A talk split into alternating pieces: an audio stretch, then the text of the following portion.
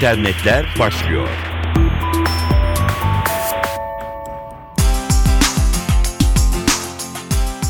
Merhaba sevgili dinleyenler. Kısaca dijital dünyadan öne çıkan gelişmeleri aktaracağız. Mikrofonda Dilara Eldaş.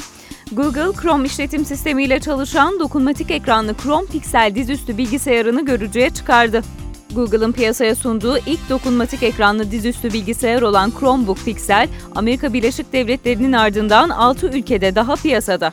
Chromebook bugünden itibaren Avustralya, Kanada, Fransa, Almanya, İrlanda ve Hollanda'da satışta.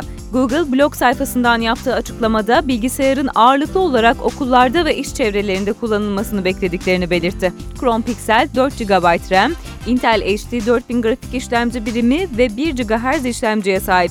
Intel Core i5 işlemcisi kullanıyor. Alüminyum kasa, 1.62 santim kalınlığında ve 1.5 kilogram ağırlığında. Google'ın dizüstü bilgisayarının Türkiye'ye ne zaman geleceği ise henüz belli değil. Yine Google'dan bir haber ama Google'ın ana çarkından arama motorundan bir haber. Google reklam bloke eden uygulamaları Google Play'den kaldırıyor. Gerekçe ise çok açık. Bu uygulamalar sözleşme ihlali yapıyor diyor Google. Söz konusu uygulamalar Android tabanlı cihazlar üzerinde alan adı çözümleme sistemini kontrol eden bir dosyayı değiştiriyor ve cihaz üzerinden reklam sunucularına yapılan sorguları bloke ediyor. Dolayısıyla da uygulama içi reklamların görüntülenmesinin önüne geçiyor bu uygulamalar. Google'ın uygulamaları uygulama mağazası Play'den kaldırması kullanıcıların bundan sonra bu uygulamalara ulaşamayacakları anlamına gelmiyor. Android platformu Apple'ın iOS'una kıyasla örneğin çok daha serbest. Kullanıcılar istedikleri herhangi bir uygulamayı geliştiricinin kendi internet sitesinden dolaylı olarak da yükleyebiliyorlar. Sadece Google'ın mağazasında engelleniyor uygulamalar ve bir vitrin eksiği söz konusu oluyor.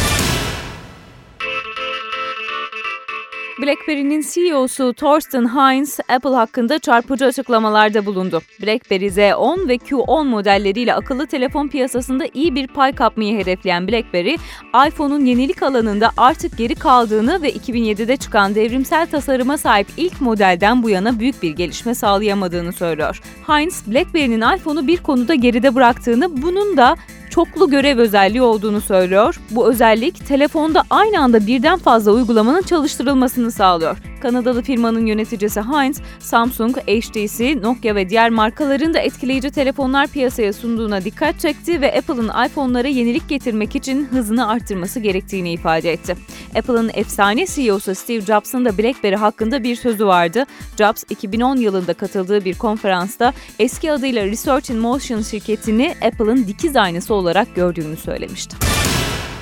Dijital pazarlama iletişimi sektörü kesintisiz büyümeyi sürdürüyor. Bu açıklama Türkiye'de tıklanma oranlarını ölçen şirket Interactive Advertising Bureau IAB'ye ait.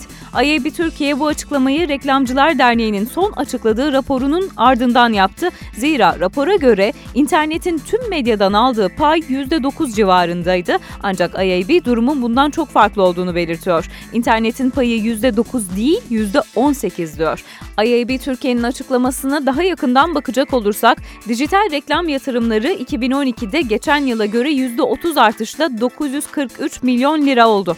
Gösterim, tıklanma bazlı reklam, video, sponsorluk ve gelir paylaşımlı reklam yatırımlarından oluşan display reklam yatırımları 374 milyon lira oldu. Açıklamada arama motoru, mobil reklam, ilan sayfaları, elektronik posta, oyun içi reklam gibi birçok yatırım alanlarının ayrıntıları bulunuyor.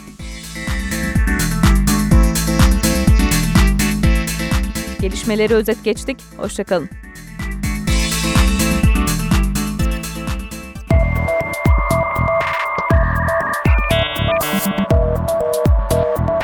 İnternetler sona erdi.